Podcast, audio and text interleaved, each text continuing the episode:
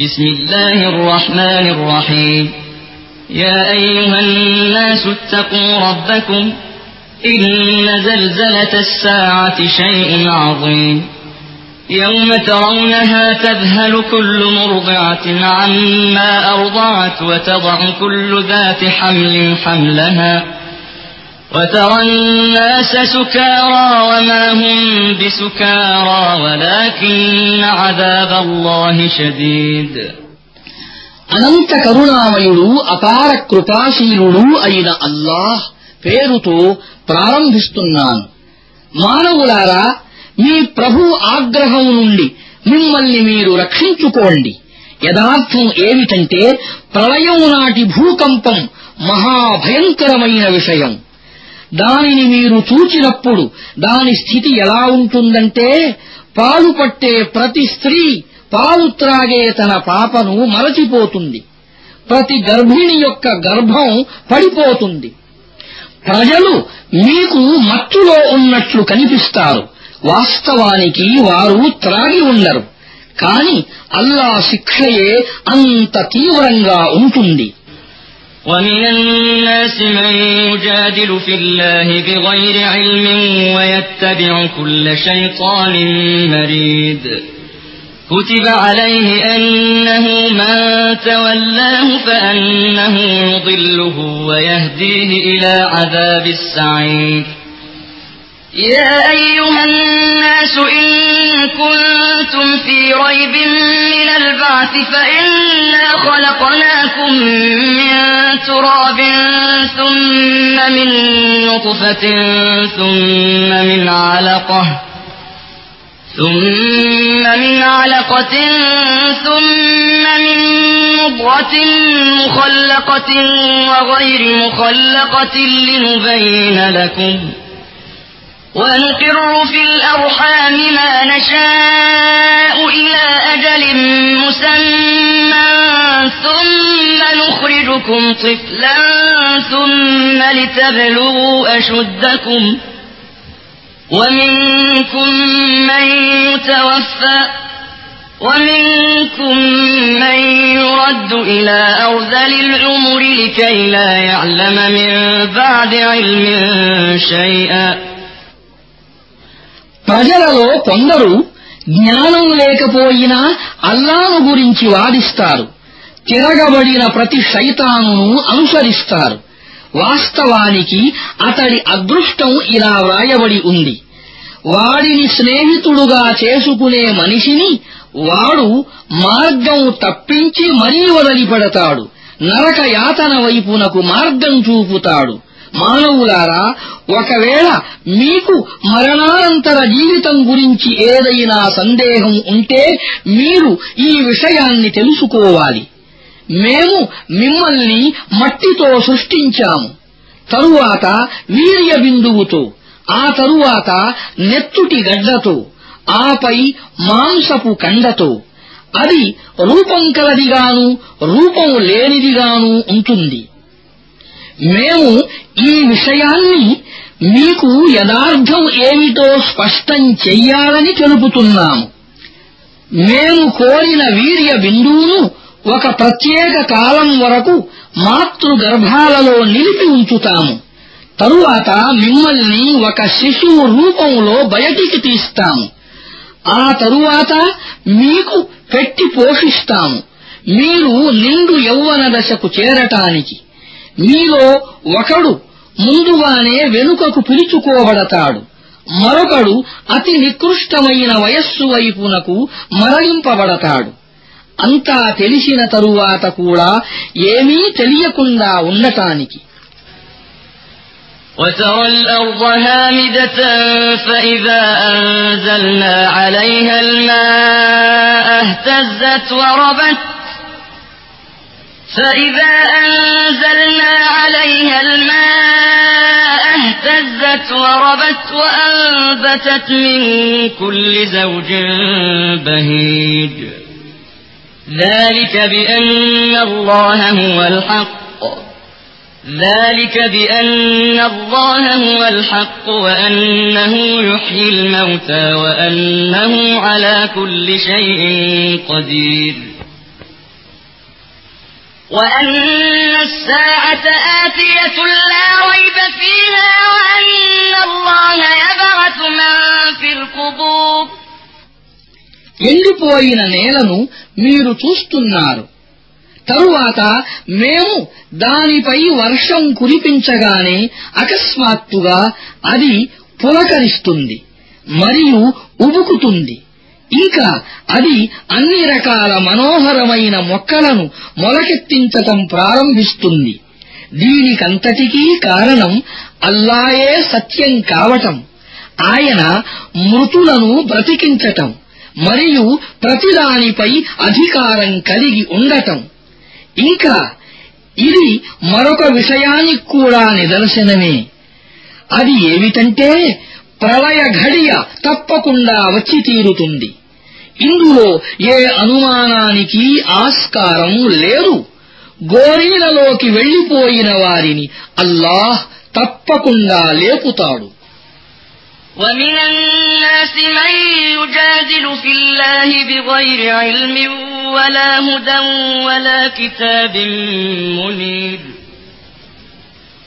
ثاني عطفه ليضل عن سبيل الله له في الدنيا خزي ونذيقه يوم القيامة عذاب الحريق ذلك بما قدمت يداك وأن الله ليس بظلام للعبيد మానవులలో ఇంకా కొందరు ఏ జ్ఞానమూ లేకపోయినా ఏ మార్గదర్శకత్వమూ లేకపోయినా జ్యోతిని ప్రసారించే ఏ గ్రంథమూ లేకుండానే తలవిరుసుతనంతో అల్లాను గురించి తగవులాడుతారు. తద్వారా వారు ప్రజలను అల్లా మార్గం నుండి తప్పింపదూస్తారు అలాంటి వ్యక్తి ప్రపంచంలో అవమానం పాలవుతాడు. ప్రళయం నాడు మేము అతనికి అగ్నిబాధను రుచి చూపిస్తాము. ఇది నీ భవిష్యత్తు.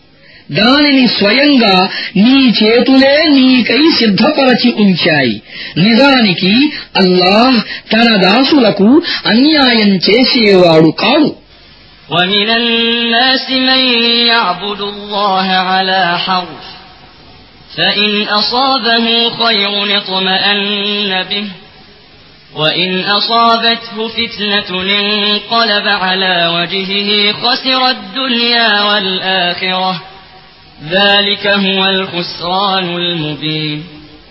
يدعو من دون الله ما لا يضره وما لا ينفعه. ذلك هو الضلال البعيد. يدعو لمن ضره أقرب من نفعه. لبئس المولى ولبئس العشير. إن الله يدخل الذين آمنوا وعملوا الصالحات جنات تجري من تحتها الأنهار إن الله يفعل ما يريد من كان يظن أن لن ينصره الله في الدنيا والآخرة فليمدد بسبب فليمدد بسبب إلى السماء ثم ليقطع فلينظر هل يذهبن كيده ما يغير ప్రజలలో ఒకడు విశ్వాసం అంచులపై నిలబడి అల్లాకు దాస్యం చేసేవాడు ఉన్నాడు ఒకవేళ లాభం కలిగితే తృప్తి పొందుతాడు కాని ఏదైనా ఆపద సంభవిస్తే విముఖుడవుతాడు. అతనికి ఇహమూ దక్కదు పరమూ దక్కదు. స్పష్టమైన నష్టం అంటే ఇదే. అతను అల్లాను కాదని తనకు నష్టం గాని లాభం కాని కలిగించలేని వారిని వేడుకుంటున్నాడు. ఇది మార్గభ్రష్టత్వానికి పరాకాష్ఠ ఎవరి నష్టమైతే వారు చేసే లాభానికి అత్యంత సమీపంలో ఉందో వారిని అతడు వేడుకుంటున్నాడు. ఎంత నికృష్టుడు అతని సంరక్షకుడు ఎంత నికృష్టుడు అతని సహచరుడు. దీనికి ప్రతిగా ఎవరు విశ్వసించారో మరెవరు మంచి పనులు చేశారో వారిని అల్లాహ్ నిశ్చయంగా క్రింద సెలయేళ్ళు ప్రవహించే ఉద్యానవనాలలో ప్రవేశింపజేస్తాడు. అల్లాహ్ తాను కోరింది చేస్తాడు. ప్రపంచంలోనూ పరలోకంలోనూ అల్లాహ్ తనకు ఏ సహాయమూ చేయడని అనుమానించే వ్యక్తి ఒక తాడు ద్వారా ఆకాశాన్ని చేరి దానికి కన్నం వేయాలి. తరువాత తనకు అయిష్టమైన దానిని తన యుక్తి నిరోధించగలుగుతుందేమో అనే విషయాన్ని ఆ కన్నం ద్వారా అతడు చూసుకోవాలి وكذلك أنزلناه آيات بينات وأن الله يهدي من يريد ఇటువంటి స్పష్టమైన బోధలతోనే మేము ఈ ఖురానును అవతరింపజేశాము అల్లాహ్ తాను కోరిన వారికి మార్గం చూపుతాడు إن الذين آمنوا والذين هادوا والصابئين والنصارى والمجوس والذين أشركوا إن الله يفصل بينهم يوم القيامة إن الله على كل شيء شهيد ألم تر أن الله يسجد له من في السماوات ومن في الأرض والشمس والقمر والشمس والقمر والنجوم والجبال والشجر والدواب وكثير من الناس وكثير حق عليه العذاب ومن يهن الله فما له من مكرم إن الله يفعل ما يشاء విశ్వసించిన వారు యూదులుగా మారినవారు సాబీయులు క్రైస్తవులు మజూసీలు షిర్కు చేసినవారు వారందరిని గురించి అల్లాహ్ ప్రళయం నాడు తీర్పు చెబుతాడు ప్రతి విషయము అల్లా దృష్టిలో ఉన్నది. ఆకాశాలలోనూ భూమిలోనూ ఉన్న సమస్తము సూర్యుడు చంద్రుడు నక్షత్రాలు పర్వతాలు వృక్షాలు జంతువులు చాలామంది మానవులు శిక్షకు అర్హులైన చాలామంది ప్రజలు అల్లా ముందు వినమ్రులై ఉండటాన్ని నీవు చూడటం లేదా? అల్లాహ్ ఎవరినైతే అవమానం పాలు చేస్తాడో ఇక అతనికి గౌరవం ఇచ్చేవాడెవడూ ఉండడు అల్లాహ్ తాను కోరిన దానిని చేస్తాడు هذان خصمان اختصموا في ربهم فالذين كفروا قطعت لهم ثياب من نار يصب من فوق رؤوسهم الحميم يصهر به ما في بطونهم والجلود ولهم مقامع من حديد كلما أرادوا أن يخرجوا منها من غم أعيدوا فيها وذوقوا عذاب الحريق. إن الله يدخل الذين آمنوا وعملوا الصالحات جنات تجري من تحتها الأنهار. يحلون فيها من أساور من ذهب ولؤلؤا ولباسهم فيها حرير وهدوا إلى الطيب من القول وهدوا إلى صراط الحميد అవి రెండు వర్గాలు వాటి మధ్య తమ ప్రభువును గురించి వివాదం తలెత్తింది వారిలో అవిశ్వాసులైన వారి కొరకు అగ్ని వస్త్రాలు కత్తిరించబడి ఉన్నాయి వారి శిరస్సులపై మరిగే నీరు పోయబడుతుంది. దానివల్ల వారి చర్మాలే కాదు కడుపు లోపలి భాగాలు సైతం కరిగిపోతాయి. వారిని దండించటానికి ఇనుప గదలు ఉంటాయి. ఎప్పుడైనా వారు కంగారు పడి నరకం నుండి బయటపడే ప్రయత్నం చేస్తే వారు మళ్ళీ అందులోకే నెట్టబడతారు. ఇప్పుడు చవిచూడండి దహన శిక్షను అని అనబడుతూ మరొకవైపు విశ్వసించి మంచి పనులు చేసిన వారిని అల్లాహ్ క్రింద సెలయేళ్ళు ప్రవహించే ఉద్యానవనాలలో ప్రవేశింపజేస్తాడు. అక్కడ వారు స్వర్ణ కంకణాలతో ముత్యాలతో అలంకరించబడతారు. వారు పట్టు వస్త్రాలు ధరిస్తారు. దీనికి కారణం పరిశుద్ధ వచనాన్ని స్వీకరించే మార్గం వారికి ప్రసాదించబడింది స్తుతింపబడే గుణ విశేషాలు గల దేవుని మార్గం వారికి చూపబడింది إن الذين كفروا ويصدون عن سبيل الله والمسجد الحرام والمسجد الحرام الذي جعلناه للناس سواء العاكف فيه والباد ومن يرد فيه بإلحاد بظلم نذقه من عذاب أليم ఎవరు తిరస్కరించారో ఇంకా ఈనాడు అల్లా మార్గం వైపునకు రాకుండా ప్రజలను అడ్డగిస్తున్నారో. మేము సర్వమానవుల కొరకు నిర్మించిన పరిశుద్ధ మసీదులో స్థానిక ప్రజల యొక్క మరియు బయట నుండి వచ్చేవారి యొక్క హక్కులు సరిసమానంగా ఉన్నాయి. దాని సందర్శనానికి అవరోధంగా ఉన్నారో. వారి వైఖరి నిశ్చయముగా శిక్షార్హమైనదే. దీనిలో నిజాయితీ నుండి వైదొలగి అన్యాయపు పద్ధతిని అవలంబించే వాడికి మేము వ్యధాభరితమైన శిక్షను రుచి చూపిస్తాము وإذ بوأنا لإبراهيم مكان البيت ألا تشرك بي شيئا وطهر بيتي وطهر بيتي للطائفين والقائمين والركع السجود. وأذن في الناس بالحج يأتوك رجالا وعلى كل ضامر يأتين من كل فج عميق.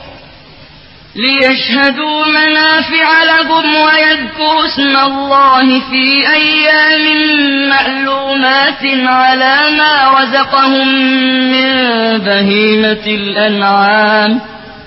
فكلوا منها وأطعموا البائس الفقير. ثم ليقضوا تفثهم وليوفوا نذورهم وليطوفوا بالبيت العتيق మేము ఇబ్రాహీముకు ఈ గృహం కొరకు స్థలాన్ని సూచించినప్పటి సందర్భాన్ని జ్ఞాపకం తెచ్చుకో అప్పుడు మేము ఇలా ఉపదేశించాము నాకు దేనిని భాగస్వామిగా చేయకు ప్రదక్షిణం చేసేవారి కొరకు ఖియాము రుకు సజదాలు చేసేవారి కొరకు నా గృహాన్ని పరిశుద్ధంగా ఉంచు. హజ్ కొరకై మానవులందరికీ పిలుపు ఇవ్వు. వారు నీ వద్దకు ప్రతి సుదూర ప్రాంతం నుండి కాలి నడకతోనూ ఒంటెలపైన ఎక్కి రావాలని మరియు వచ్చి వారు తమ కొరకు ఇక్కడ ఉంచబడిన ప్రయోజనాలను చూసుకోవాలని. అల్లాహ్ వారికి ప్రసాదించిన పశువుల మీద కొన్ని నిర్ణీత దినాలలో ఆయన పేరును స్మరించాలి. స్వయంగా వారూ తినాలి లేమికి గురి అయిన అగత్య పరులకు పెట్టాలి. తరువాత వారు తమ మాలిన్యాన్ని దూరం చేసుకోవాలి. తమ మొక్కుబడులను చెల్లించుకోవాలి మరియు ఆ ప్రాచీన గృహానికి ప్రదక్షిణం చెయ్యాలి ذلك ومن يعظم حرمات الله فهو خير له عند ربه కాబా నిర్మాణ లక్ష్యం ఇది ఎవడైనా అల్లా విధించిన పవిత్ర నియమాలను గౌరవిస్తే అది అతని ప్రభువు దృష్టిలో స్వయంగా అతడికి శ్రేష్టమైనది وأحلت لكم الأنعام إلا ما يتلى عليكم فاجتنبوا الرجس من الأوثان واجتنبوا قول الزور حنفاء لله غير مشركين به ومن يشرك بالله فكأنما خر من السماء فتخطفه الطير فتخطفه الطير أو تهوي به الريح في مكان سحيق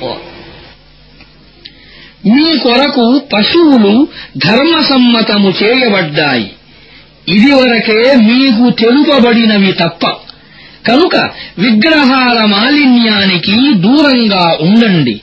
అబద్ధపు మాటలు పలకకండి. ఏకాగ్రతతో అల్లాకు దాసులు అవండి. దైవత్వములో ఆయనకు ఎవరినీ భాగస్వాములుగా చేయకండి.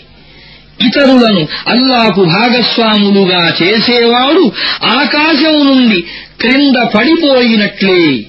అతనిని ఇక పక్షులైనా తన్నుకుపోతాయి లేదా గాలి అతనిని ముక్కలు ముక్కలయ్యే ప్రదేశానికైనా విసరివేస్తుంది ذلك ومن يعظم شعائر الله فإنها من تقوى القلوب ఇది అసలు విషయం దానిని అర్థం చేసుకో ఎవరైనా అల్లా నిర్ణయించిన చిహ్నాలను గౌరవిస్తున్నారంటే అది హృదయాలలోని దైవభీతి వలననే لكم فيها منافع إلى أجل مسمى ثم محلها إلى البيت العتيق ఒక నిర్ణీత కాలం వరకు వాటి ద్వారా లాభం పొందే హక్కు మీకు ఉన్నది ఆ తరువాత వాటిని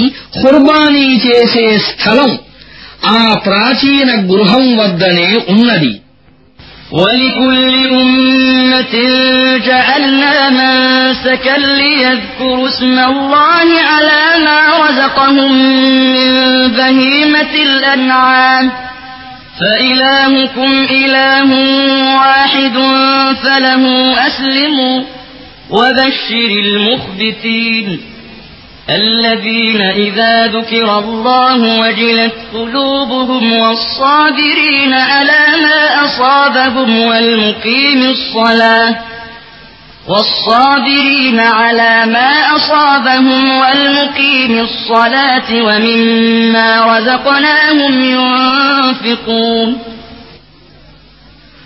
ప్రతి అనుచర సంఘానికి మేము ఒక ఖుర్బానీ పద్ధతిని నిర్ణయించాము. ఆ అనుచర సంఘం ప్రజలు అల్లాహ్ వారికి ప్రసాదించిన పశువుల మీద ఆయన పేరును స్మరించటానికి ఈ విభిన్న పద్ధతుల ఉద్దేశ్యం ఒక్కటే. కనుక మీ దేవుడు ఒక్కడే. మీరు ఆయనకే విధేయులు అవండి ఓ ప్రవక్త అణకువగల వైఖరిని అవలంబించే వారికి శుభవార్తను అందజెయ్యి వారి పరిస్థితి ఎలా ఉంటుందంటే అల్లాహ్ ప్రస్తావన విన్నప్పుడు వారి గుండెలు అదిరిపోతాయి. వారి మీదకు ఏ ఆపద వచ్చి పడినా దానికి వారు ఓర్మి వహిస్తారు నమాజును స్థాపిస్తారు. మేము వారికి ఇచ్చిన ఉపాధి నుండి ఖర్చు పెడతారు. والبدن جعلناها لكم من شعائر الله لكم فيها خير. فاذكروا اسم الله عليها صواف. فإذا عجبت جنوبها فكلوا منها وأطعموا القانع والمعتر.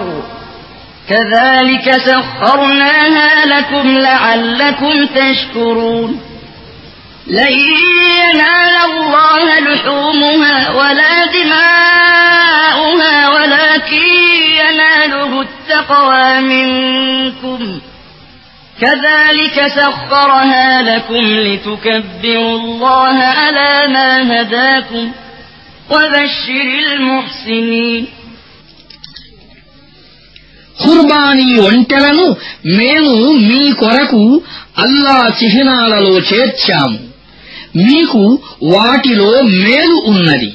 కనుక వాటిని నిలబెట్టి వాటిపై అల్లా పేరును స్మరించండి. ఖుర్బానీ తరువాత వాటి వీపులు నేలపై ఆనినప్పుడు వాటిలో నుండి స్వయంగానూ తినండి. యాచించని సంతుష్టులకు తినిపించండి. తమ అవసరాలకు అడిగే వారికి తినిపించండి. ఈ విధంగా మేము ఈ జంతువులను మీకు వశపరిచాము. మీరు కృతజ్ఞతలు తెలుపుకునేందుకు. వాటి మాంసము అల్లాకు చేరదు వాటి రక్తమూ చేరదు. కాని మీ భయభక్తులు ఆయనకు చేరుతాయి. ఆయన వాటిని మీకు ఈ విధంగా వశపరిచాడు. ఆయన ప్రసాదించిన మార్గదర్శకత్వానికి మీరు ఆయన గొప్పతనాన్ని చాటేందుకు ఓ ప్రవక్త సత్కార్యాలు చేసేవారికి శుభవార్త అందించు إن الله يدافع عن الذين آمنوا إن الله لا يحب كل خوان كفور أذن للذين يقاتلون بأنهم ظلموا وإن الله على نصرهم لقدير الذين أخرجوا من ديارهم بغير حق إلا أن يقولوا ربنا الله ولولا دفع الله الناس بعضهم ببعض لهدمت صوامع وبيع وصلوات ومساجد يذكر فيها اسم الله كثيرا. ولينصرن الله من ينصره. إن الله لقوي عزيز.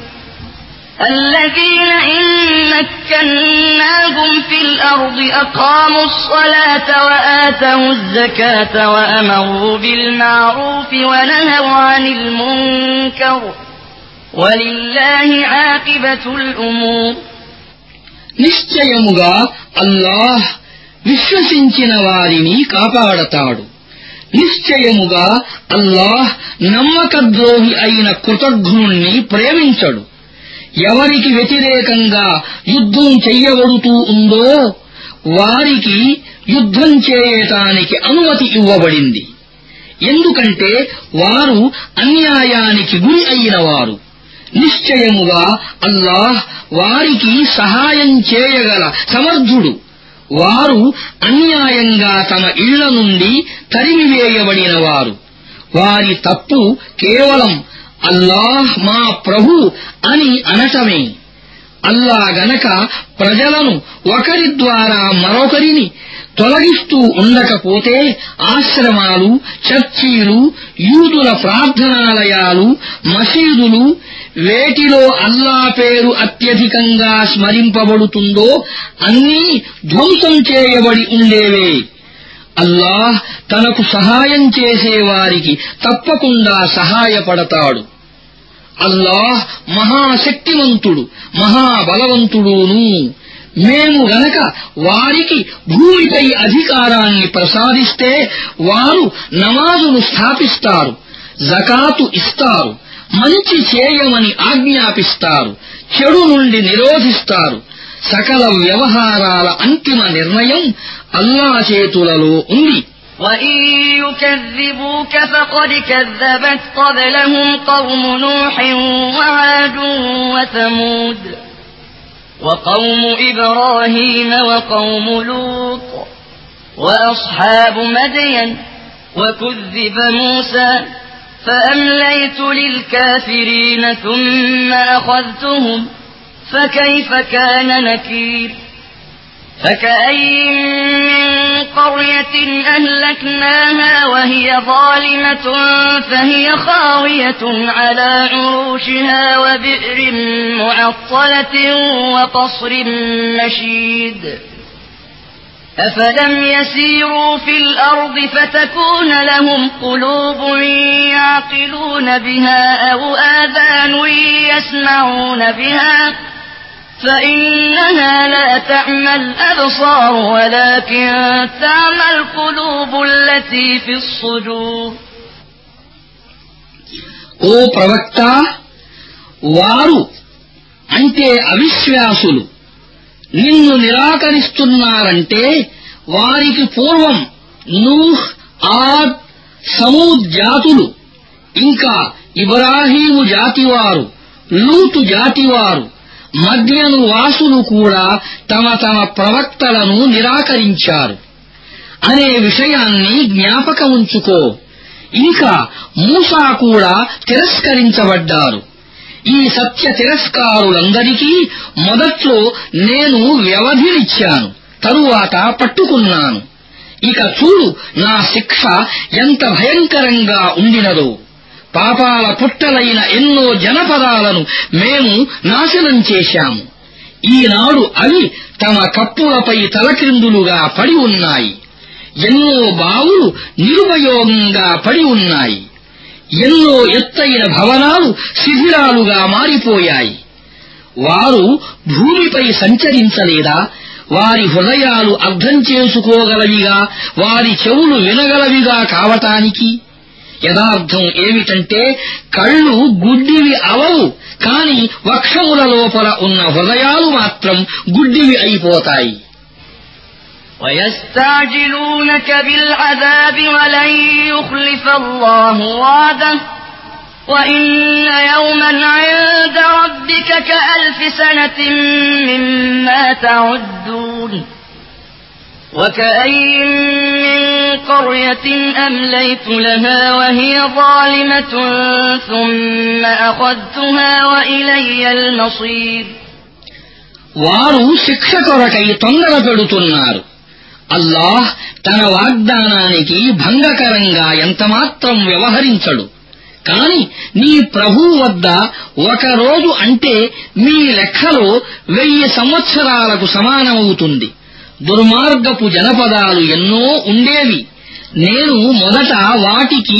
వ్యవధి ఇచ్చాను తరువాత పట్టుకున్నాను అందరూ తిరిగి నా వైపునకే రావలసి ఉన్నది قل يا أيها الناس إنما أنا لكم نذير مبين فالذين آمنوا وعملوا الصالحات لهم مغفرة ورزق كريم والذين سأوا في آياتنا معاجزين أولئك أصحاب الجحيم ఓ ప్రవక్త ఇలా అను మానవులారా నేను మీకు కేవలం కష్టకాలం రాకముందు స్పష్టంగా హెచ్చరించే వ్యక్తిని మాత్రమే. కనుక విశ్వసించి మంచి పనులు చేసేవారికి క్షమాభిక్ష లభిస్తుంది. గౌరవప్రదమైన ఉపాధి కూడా లభిస్తుంది. మా ఆయతులను కించపరచటానికి ప్రయత్నం చేసేవారు నరకానికి మిత్రుడు وما أرسلنا من قبلك من رسول ولا نبي إلا إذا تمنى ألقى الشيطان في أمنيته فينسخ الله ما يلقي الشيطان فينسخ الله ما يلقي الشيطان ثم يحكم الله آياته والله عليم حكيم ليجعل ما يلقي الشيطان فتنة للذين في قلوبهم مرض والقاسية قلوبهم وإن الظالمين لفي شقاق بعيد وليعلم الذين أوتوا العلم أنه الحق من ربك فيؤمنوا به فتخبت له قلوبهم وإن الله لهادي الذين آمنوا إلى صراط مستقيم ఓ ప్రవక్త నీకు పూర్వం అతను కోరుకున్నప్పుడు అతని కోరికలో శైతాను జోక్యం చేసుకోని ఏ సందేశహరుణ్ణి ఏ ప్రవక్తను మేము పంపి ఉండలేదు ఇటువంటి శైతాను జోక్యాలను అల్లాహ్ నిర్మూలిస్తాడు మరియు తన ఆయతులను పటిష్టపరుస్తాడు. అల్లాహ్ సర్వజ్ఞాని మహావివేకి. ఆయన ఇలా ఎందుకు జరగనిస్తాడంటే ఎవరి హృదయాలకు కపటం రోగం తగిలిందో మరెవరి హృదయాలు ముద్దుబారిపోయాయో వారి కొరకై శైతాను కల్పించిన చెడు ఒక పరీక్షగా చెయ్యటానికి యథార్థం ఏమిటంటే ఈ దుర్మార్గులు శత్రుత్వంలో చాలా దూరం వెళ్ళిపోయారు జ్ఞాన సంపన్నులైన ప్రజలు ఇది నీ ప్రభువు నుండి వచ్చిన సత్యమని తెలుసుకోవటానికి వారు దానిని విశ్వసించటానికి వారి హృదయాలు ఆయన ముందు వంగిపోవటానికి. నిశ్చయంగా అల్లాహ్ విశ్వసించే వారికి ఎల్లప్పుడూ రుజువైన మార్గం చూపుతాడు. ولا يزال الذين كفروا في مرية منه حتى تأتيهم الساعة بغتة أو يأتيهم عذاب يوم عقيم. الملك يومئذ لله يحكم بينهم فالذين آمنوا وعملوا الصالحات في جنات النعيم. والذين كفروا وكذبوا بآياتنا فأولئك لهم عذاب مهين. والذين هاجروا في سبيل الله ثم قتلوا أو ماتوا ليرزقنهم الله رزقا حسنا. وإن الله لهو خير الرازقين. ليدخلنهم مدخلا يرضونه. وإن الله لعليم حليم ذلك ومن عاقب بمثل ما عوقب به ثم بغي عليه لينصرنه الله إن الله لعفو غفور అవిశ్వాసులు దానిని గురించి సంశయములోనే పడి ఉంటారు చివరికి వారిపైకి ప్రళయ ఘడియ అయినా వచ్చి పడుతుంది లేదా ఒక దౌర్భాగ్య దినపు శిక్ష అయినా అవతరిస్తుంది. ఆనాడు రాజ్యాధికారం అల్లాదవుతుంది. ఆయన వారి మధ్య తీర్పు చేస్తాడు. విశ్వసించిన వారు మంచి పనులు చేసిన వారు వరాలతో నిండి ఉన్న ఉద్యానవనాలలోకి పోతారు. అవిశ్వాసానికి పాల్పడి మా ఆయతులను తిరస్కరించిన వారికి అవమానకరమైన శిక్ష పడుతుంది. ఎవరు అల్లా మార్గంలో వలసపోయారో తరువాత చంపబడ్డారో లేక మరణించారో వారికి అల్లాహ్ మంచి ఉపాధిని ప్రసాదిస్తాడు. నిశ్చయంగా అల్లా మాత్రమే ఉత్తమ ఉపాధి ప్రదాత. వారు తృప్తిపడే స్థలానికి ఆయన వారిని చేరుస్తాడు. నిస్సందేహంగా అల్లాహ్ సర్వము తెలిసినవాడు సంయమనం కలవాడును. ఇది వారి పరిణామం. ఇక ఎవరైతే తనపై జరిగిన మేరకే ప్రతీకారం చేస్తాడో పైగా అతనిపై అత్యాచారం కూడా జరిగి ఉంటే అల్లాహ్ అతనికి తప్పకుండా సహాయం చేస్తాడు అల్లాహ్ క్షమించేవాడు మన్నించేవాడును ذلك بأن الله يولج الليل في النهار ويولج النهار في الليل وأن الله سميع بصير ذلك بأن الله هو الحق وأن ما يدعون من دونه هو الباطل وأن الله هو العلي الكبير. ألم تر أن الله أنزل من السماء ماء فتصبح الأرض مخضرة؟ إن الله لطيف خبير.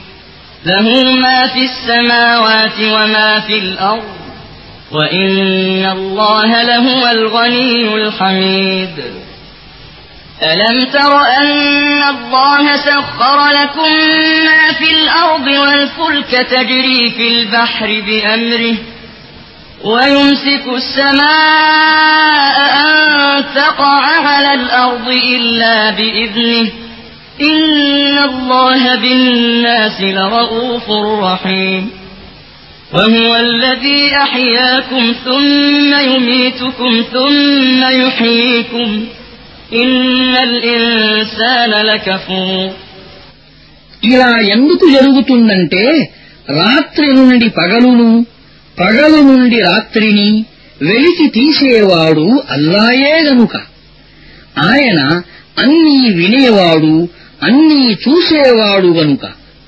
ఇలా ఎందుకు జరుగుతుందంటే అల్లాయే సత్యం గనుక. అల్లాను కాదని వారు వేడుకునేవన్నీ అసత్యం గనుక. అల్లాయే ఆధిక్యం గలవాడు మరియు మహోన్నతుడు. ఆకాశం నుండి అల్లాహ్ నీటిని కురిపించటాన్ని తద్వారా భూమి సస్యశ్యామలం అయిపోవటాన్ని నీవు చూడటం లేదా? యథార్థం ఏమిటంటే ఆయన అత్యంత సూక్ష్మ శక్తి కలవాడు సర్వము ఎరిగినవాడు ఆకాశాలలో ఉన్నది భూమిపై ఉన్నది అంతా ఆయనదే. నిస్సందేహంగా ఆయనే నిరపేక్షాపరుడు స్తుతింపబడేవాడు. భూమిపై ఉన్న సమస్తాన్ని ఆయన మీకు వశపరిచాడు. ఆయనే పడవను నియమబద్ధం చేశాడు. అది ఆయన ఆజ్ఞానుసారం సముద్రంలో నడుస్తుంది. ఆయనే ఆకాశాన్ని నిలిపి ఉంచాడు. అది ఆయన అనుమతి లేకుండా నేలపై పడజాలదు. ఇదంతా మీరు చూడటం లేదా? వాస్తవం ఏమిటంటే మానవుల పట్ల అల్లాహ్ ఎంతో వాత్సల్యం కలవాడు ఎంతో కరుణ కలవాడు. ఆయనే మీకు జీవితాన్ని ప్రసాదించాడు ఆయనే మీకు మృత్యువును కలుగజేస్తాడు ఆయనే మిమ్మల్ని మళ్లీ బ్రతికిస్తాడు నిజంగానే మానవుడు పరమ సత్య ధిక్కారి لكل أمة جعلنا منسكنهم ناسكوه فلا ينازعنك في الأمر وادع إلى ربك إنك لعلى هدى مستقيم. وإن جادلوك فقل الله أعلم بما تعملون. الله يحكم بينكم يوم القيامة فيما كنتم فيه تختلفون. ألم تعلم أن الله يعلم ما في السماء والأرض؟ إن ذلك في كتاب إن ذلك على الله يسير ప్రతి అనుచర సంఘానికి మేము ఒక ఆరాధనా పద్ధతిని నిర్ణయించాము అది దానిని అనుసరిస్తోంది కనుక ఓ ప్రవక్త వారు ఈ విషయంలో నీతో తగాదా పడకూడదు నీవు నీ ప్రభువు వైపునకు పిలువు నిశ్చయంగా నీవు రుజుమార్గంలో ఉన్నావు. ఒకవేళ వారు నీతో వివాదానికి తలపడితే ఇలా అను. మీరు చేసేదంతా అల్లాకు బాగా తెలుసు. ప్రళయం నాడు అల్లాహ్ మీ మధ్య మీరు విభేదించుకుంటూ వచ్చిన అన్ని విషయాలను గురించి తీర్పు చెబుతాడు. ఆకాశంలోనూ భూమిపైన ఉన్న ప్రతి వస్తువును గురించి అల్లాకు తెలుసని నీవు ఎరుగవా అంతా ఒక గ్రంథంలో వ్రాయబడి ఉన్నది అల్లాకు ఇదేమంత కష్టమైనది కానే కాదు ويعبدون من دون الله ما لم ينزل به سلطانا وما ليس لهم به علم وما للظالمين من نصير وإذا تتلى عليهم آياتنا بينات تعرف في وجوه الذين كفروا المنكر يكادون يسطون بالذين يتلون عليهم آياتنا قل أفأنبئكم بشر من ذلكم النار وعدها الله الذين كفروا وبئس المصير ఈ జనం అల్లాను కాదని ఎవరినైతే ఆరాధిస్తున్నారో వారి కొరకు అల్లా కూడా ఏ ప్రమాణాన్ని అవతరింపజేయలేదు. వీరు కూడా వారిని గురించి ఏమీ ఎరుగరు. ఈ దుర్మార్గులకు సహాయపడేవాడెవడూ లేడు. వారికి స్పష్టమైన మా వాక్యాలను వినిపించినప్పుడు సత్య తిరస్కారుల ముఖాలు మాడిపోవటాన్ని నీవు చూస్తావు. ఇంకా వారు మా వాక్యాలను వినిపించే వారిపై వెంటనే విరుచుకుపడతారేమో అనిపిస్తుంది. వారికి ఇలా చెప్పు దీనికంటే కూడా ఘోరమైన విషయమేమిటో నేను మీకు తెలిపేరా? అది అగ్ని. సత్యాన్ని స్వీకరించక నిరాకరించే వారి విషయంలో అల్లాహ్ దానిని గురించిన వాగ్దానమే చేశాడు అది అతి చెడ్డ నివాస స్థలం يا أيها الناس ضرب مثل فاستمعوا له إن الذين تدعون من دون الله لن يخلقوا ذبابا ولو اجتمعوا له وإن يسلبهم الذباب شيئا لا يستنقذوه منه ضعف الطالب والمطلوب ما قدر الله حق قدره إن الله لقوي عزيز మానవులారా ఒక ఉదాహరణ ఇవ్వబడుతోంది దానిని శ్రద్ధగా వినండి అల్లాను కాదని మీరు ఏ దేవుళ్లను వేడుకుంటున్నారో వారందరూ కలిసి సమైక్యంగా ఒక్క ఈగను సృష్టించదలచినా అలా చేయలేరు. అంతేకాదు ఒకవేళ ఈగ వారి నుండి ఏదైనా వస్తువును లాక్కుపోయినా వారు దానిని విడిపించుకురానూ లేరు. సహాయాన్ని అర్థించేవారు బలహీనులే. సహాయం కోసం అర్థింపబడేవారు బలహీనులే. అల్లా గొప్పతనాన్నే వారు గుర్తించవలసిన విధంగా గుర్తించలేదు నిజానికి అల్లా మాత్రమే శక్తివంతుడు గౌరవనీయుడును الله يصطفي من الملائكة رسلا ومن الناس إن الله سميع بصير يعلم ما بين أيديهم وما خلفهم యథార్థమేమిటంటే అల్లాహ్ తన ఉత్తర్వులను అందజేయటానికి సందేశహరులను దైవదూతల నుండి మానవుల నుండి ఎన్నుకుంటాడు. ఆయన అన్నీ వింటాడు అన్నీ చూస్తాడు. ప్రజల ముందు ఉన్నదానిని ఆయన ఎరుగును. వారికి గోప్యంగా ఉన్నదానిని ఆయన ఎరుగును. వ్యవహారాలన్నీ ఆయన వైపునకే మరలిపోతాయి يا أيها الذين آمنوا اركعوا واسجدوا واعبدوا ربكم وافعلوا الخير لعلكم تفلحون وجاهدوا في الله حق جهاده هو اجتباكم وما جعل عليكم في الدين من حرج ملة أبيكم إبراهيم. هو سماكم المسلمين من قبل وفي هذا ليكون الرسول شهيدا عليكم. وفي هذا ليكون الرسول شهيدا عليكم وتكونوا شهداء على الناس. فأقيموا الصلاة وآتوا الزكاة واعتصموا بالله هو مولاكم فنعم المولى ونعم النصير విశ్వాసులారా రుకు చేయండి సజదా చెయ్యండి మీ ప్రభువునకు దాస్యం చెయ్యండి మంచి పనులు చెయ్యండి దీని ద్వారానే మీకు సాఫల్య భాగ్యం లభిస్తుందని ఆశించవచ్చు. అల్లా మార్గంలో జిహాదు చెయ్యండి. జిహాదు చెయ్యవలసిన విధంగా ఆయన మిమ్మల్ని తన సేవకై ఎన్నుకున్నాడు. ధర్మంలో మీకు ఏ ఇబ్బందిని ఉంచలేదు. మీ తండ్రి ఇబ్రాహీము ధర్మంపై స్థిరంగా ఉండండి. పూర్వం కూడా అల్లాహ్ మీకు ముస్లిము అనే పేరునే పెట్టాడు. ఇందులో కూడా మీ పేరు ఇదే. దైవ ప్రవక్త మీ విషయంలో సాక్షిగా ఉండటానికి మరియు మీరు ప్రజల విషయంలో సాక్షులుగా ఉండటానికి.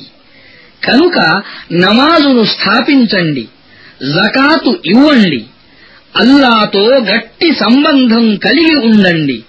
ఆయన మీకు సంరక్షకుడు ఎంతో మంచి సంరక్షకుడు. ఎంతో మంచి సహాయకుడు.